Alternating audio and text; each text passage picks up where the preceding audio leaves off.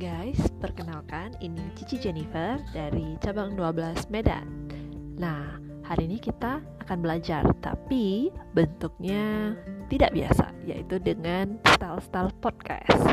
Mungkin banyak dari kalian udah sering dengar podcast-podcast dari uh, influencer-influencer terkenal, tapi hari ini kita belajar bersama dengan Cici Jennifer. Oke, okay? nah apa yang kita akan belajar hari ini adalah tentang pembentukan kelompok. Ini adalah materi pertama kalian di LDC 2. Wah, ini uh, pertama kali LDC 2 itu dilakukan secara online dan nasional. Wah, jangan mm, berkecil hati karena ini cuman online, tapi uh, lihat posis uh, positifnya.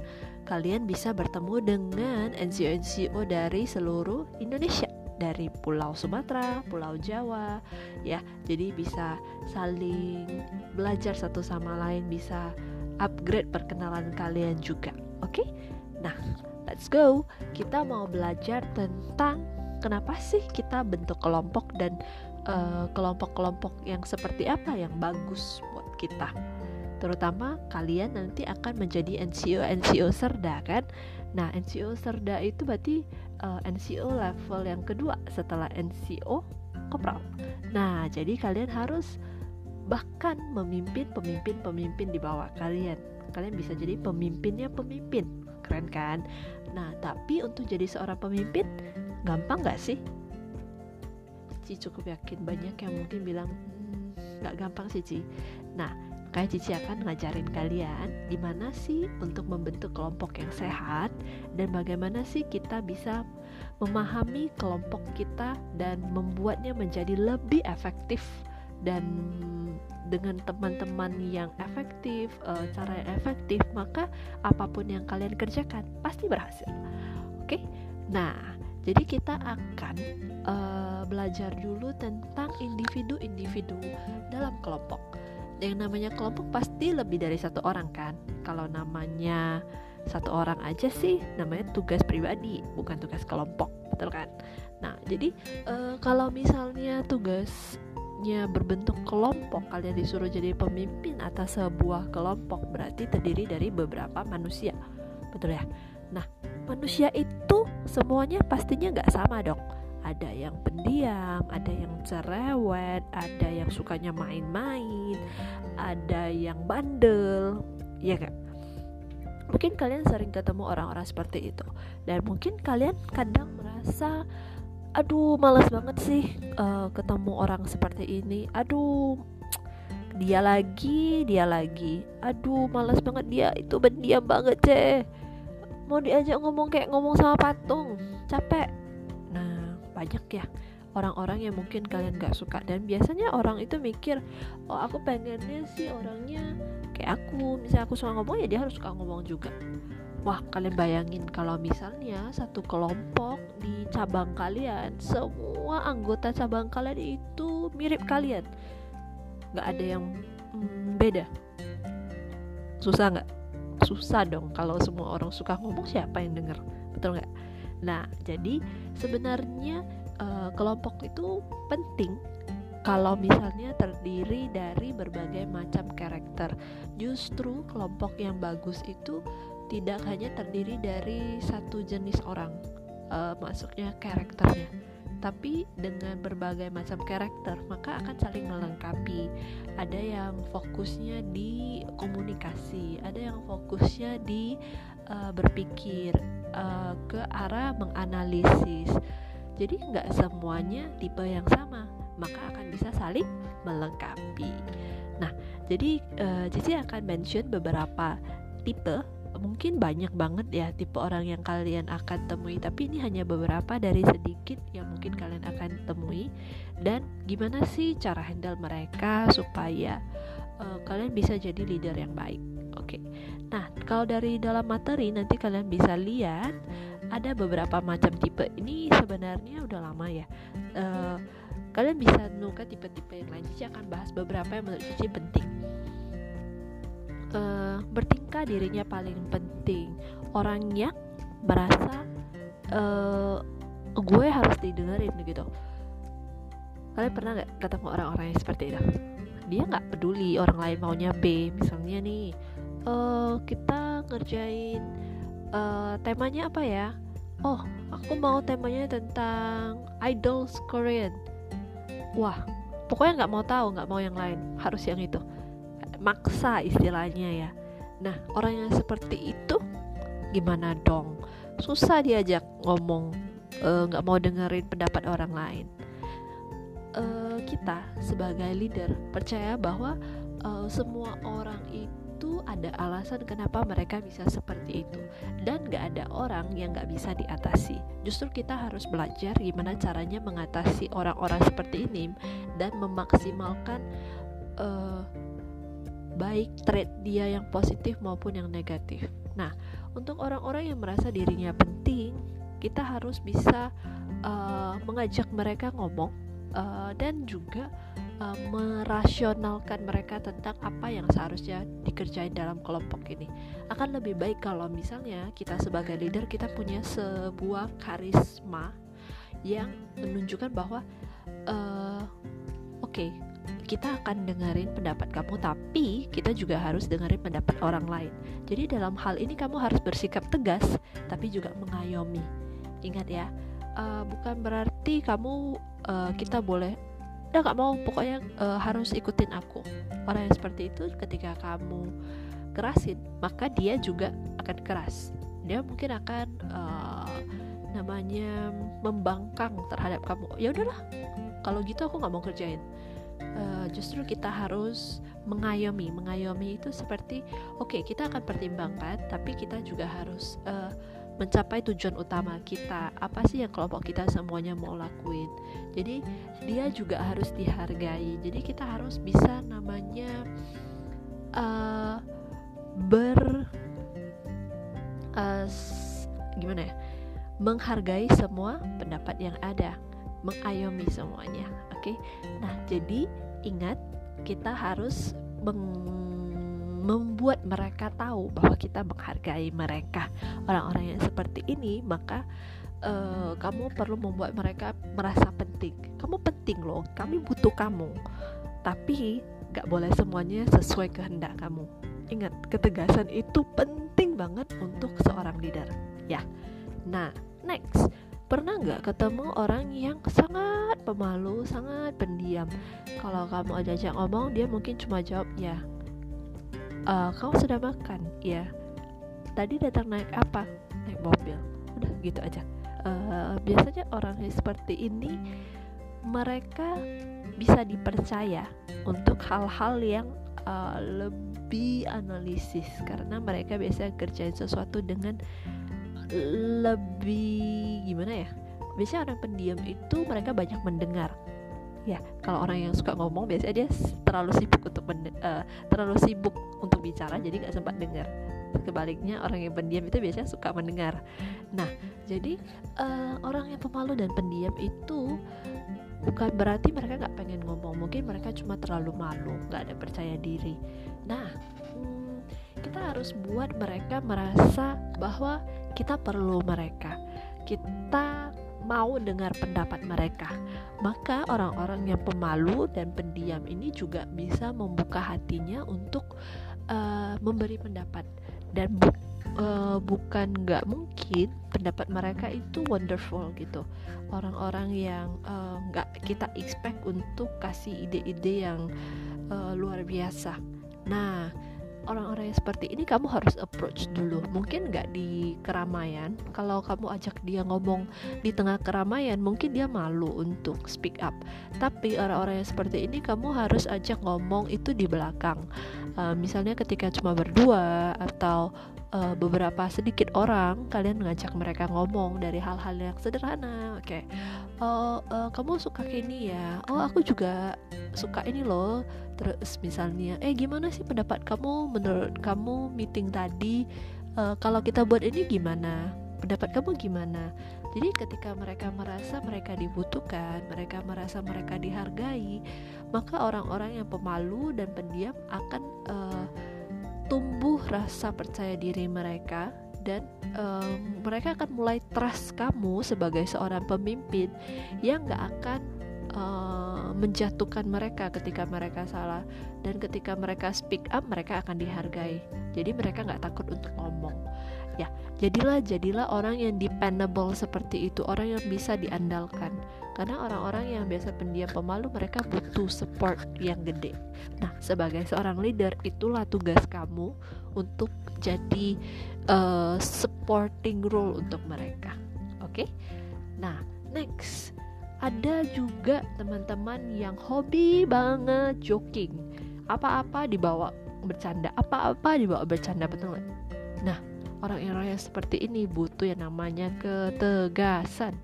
Ya jadi kalau misalnya kamu ikut joke once in a while oke okay. tapi kalau misalnya terus menerus maka apa yang terjadi tugas kalian kerjaan kalian project kalian tidak akan pernah beres betul nggak nah orang-orang seperti ini mereka punya role yang bagus untuk membuat orang menjadi uh, lebih bahagia, keadaan jadi nggak kaku.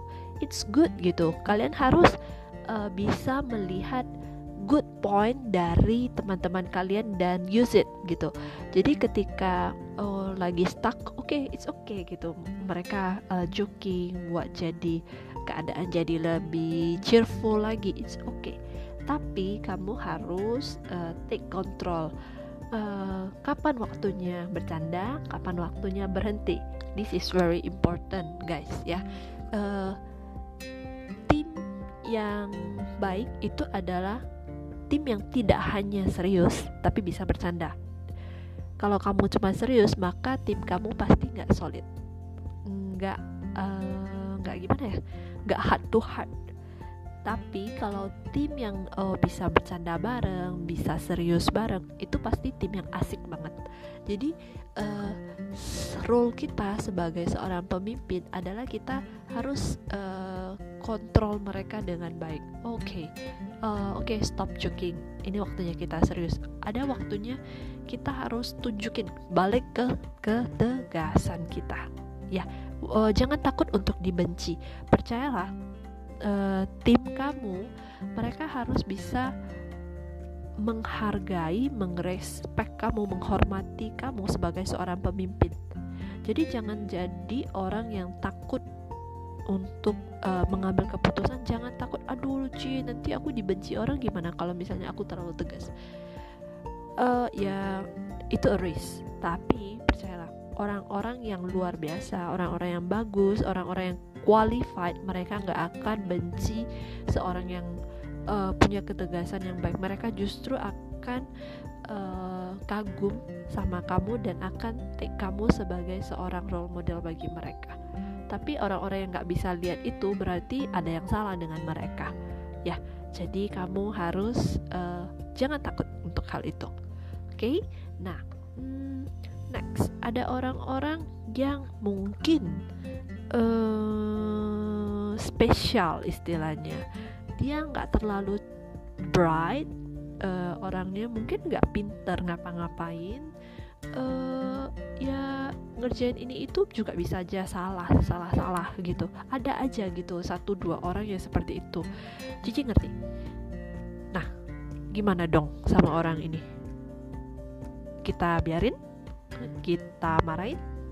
Hmm, enggak. Justru di Boys Brigade kita diajarin bahwa kita harus bisa menolong, bisa menjaga setiap anggota kita. Betul nggak? Nah, orang-orang yang seperti ini justru kita harus kasih double perhatian kita. Cici banyak lihat dari dulu sampai sekarang. Banyak anggota-anggota yang sebenarnya mereka pengen. Mereka juga pengen bekerja keras. Mereka juga pengen dapetin hasil yang bagus membantu tim. Tapi ya they don't have that uh, gimana ya? Mereka mau tapi mereka nggak bisa. Mereka not bright enough tapi they are working hard for that gitu. Kita harus bisa menghargai. Jangan justru dibully ya teman-teman. Um, jadilah orang yang support orang walaupun pace dia nggak secepat pace kamu. Hargai proses hargai usaha dan kerja keras Oke, jadi kalau kamu lihat bahwa teman ada teman kamu yang merasa uh, oh kok dia kayaknya dibully ya karena kemampuan dia agak kurang. Justru kamu harus jadi orang yang uh, membela mereka.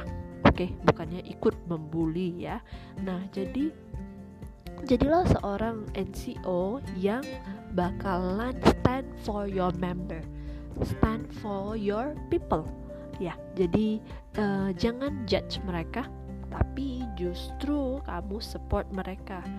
Orang-orang yang seperti ini biasanya mereka takes time slowly tapi ketika mereka udah berhasil mereka belajar they will do well. They will uh, give a lot of things for you gitu. Mereka orang yang bekerja keras. Jadi uh, support mereka dan mereka akan tunjukkan uh, support mereka terhadap kamu yang setia sama mereka juga. Percayalah semua hal yang kamu tabur untuk anggota kamu baik itu perhatian, kebaikan, ketegasan, disiplin gak akan kembali dengan sia-sia. Mereka akan jadi pemimpin-pemimpin yang luar biasa dan mereka akan kembali support kamu karena qualification mereka juga sudah bagus mereka akan jadi tim yang luar biasa untuk kamu jadi jangan takut untuk mulai bentuk mereka. Oke, okay. last but not least tentang ini adalah orang yang keras kepala, bermusuhan dan tidak suka terlibat. Hmm, biasanya uh, ada juga orang-orang yang seperti ini. Hmm, orang-orang yang mungkin banyak kepahitan dalam hidupnya, uh, orang yang ya kayaknya segala sesuatu di dunia ini ya salah aja di mata dia gitu. Uh, kita sebagai leader harus bisa see through hal seperti ini. Mungkin kita bisa ajak mereka ngomong kita bisa justru jadi teman mereka dulu baru jadi pemimpin mereka. Jadi uh, jangan hanya mau jadi seorang pemimpin kita juga harus bisa jadi teman untuk mereka. Uh, mungkin uh, dia sikapnya seperti itu ya mungkin background keluarganya kenapa mungkin ada masalah uh, yang lain ya you never know gitu kadang kita harus know the background story dari orang itu baru kita bisa mengerti kenapa sih dia sikapnya seperti itu. Nah kamu sebagai seorang leader uh, juga punya keperluan untuk menggali hal-hal seperti itu. Uh, coba jalani berteman dengan dia tabur kebaikan. Mungkin kamu akan pelan-pelan bisa lihat masalahnya di mana oke. Okay. nah uh, Cici percaya satu quote. Love never fail. Ketika kamu uh, menabur kasih terhadap seseorang gak ada orang yang akan membenci kamu. Justru orang itu akan bisa lihat ketulusan kamu. Nah Jadilah pemimpin yang menabur ketulusan dan kasih, sehingga semua anggota kamu bisa lihat itu, dan juga mereka bisa pakai itu di dalam tim kamu, dan bahkan untuk generasi berikutnya, ketika kamu nggak jadi leader, uh, junior kamu yang jadi leader, mereka akan pakai kualitas yang sama yang udah kamu tanam ke junior mereka, dan itu akan berlangsung dari generasi ke generasi, and uh, kamu akan lihat cabang kamu itu provide good leaders. Dan bisa aja itu dimulai dari kamu. Keren gak? Nah jadi jadilah orang yang mm, mau bekerja double portion. Bukan hanya uh, projectnya tapi behind the project juga. Manusianya. Kalian bisa harus bisa melihat manusia-manusianya ini. Gimana sih aku bisa bentuk mereka? Gimana sih agar mereka bekerja secara efektif dan maksimal. Kalau kamu aja nggak kenal mereka, gimana dong kamu mau membuat mereka dengan efektif? Betul nggak? Main iPhone, main HP baru aja, kamu lihat dulu gimana caranya pakai, uh, ini tombolnya buat apa, betul nggak? Sama seperti manusia juga. Kita harus lihat dulu, mengerti dulu, baru kita bisa pakai dengan maksimal. thank you